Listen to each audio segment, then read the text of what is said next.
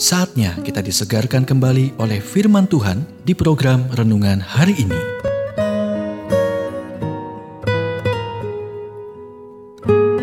Renungan hari ini berjudul Bersikaplah Lembut bagian pertama.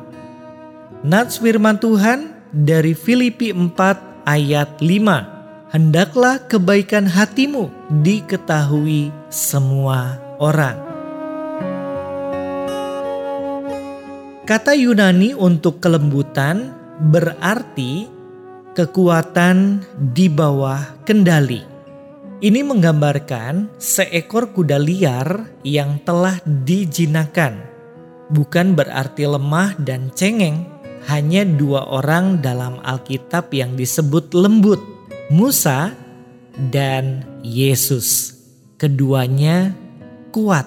Kelembutan menahan reaksi Anda Hal tersebut membuat Anda memilih menanggapi kepada orang lain daripada hanya bereaksi terhadap mereka.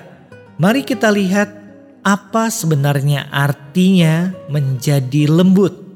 Ketika seseorang melayani Anda, bersikaplah bijaksana dan tidak menuntut.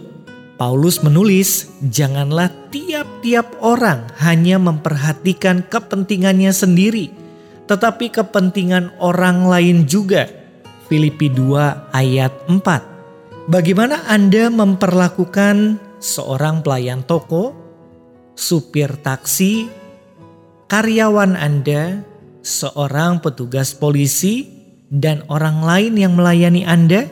Apakah Anda kasar dan sulit? Apakah juga Anda adalah orang yang menjaga jarak dan seolah-olah mereka hanya bagian dari mesin? Apakah Anda menyadari bahwa mereka juga mungkin mengalami hari yang sulit, atau apakah Anda hanya memikirkan hanya diri Anda sendiri? Cara pertama Anda mengembangkan kelembutan adalah mencoba memahami mereka yang melayani Anda. Dan tempat pertama di mana Anda harus bersikap lembut adalah di rumah. Alkitab memberitahukan istri untuk menghiasi diri mereka sendiri dengan roh yang lemah lembut. 1 Petrus 3 ayat 4. Petrus hanya mengatakan bahwa kelembutan bisa lebih menarik daripada pakaian atau perhiasan apa pun yang Anda pilih untuk Anda kenakan. Untuk para suami, katanya, "Hai suami-suami, hiduplah bijaksana dengan istrimu sebagai kaum yang lebih lemah. 1 Petrus 3 ayat 7 Jika Anda biasanya tidak peka dan sombong, Anda harus berusaha keras dalam hal ini. Alkitab mengatakan, Anda harus ada pengertian, tidak menuntut terhadap orang-orang yang melayani Anda dan orang-orang yang tinggal bersama Anda. Kita telah mendengarkan renungan hari ini.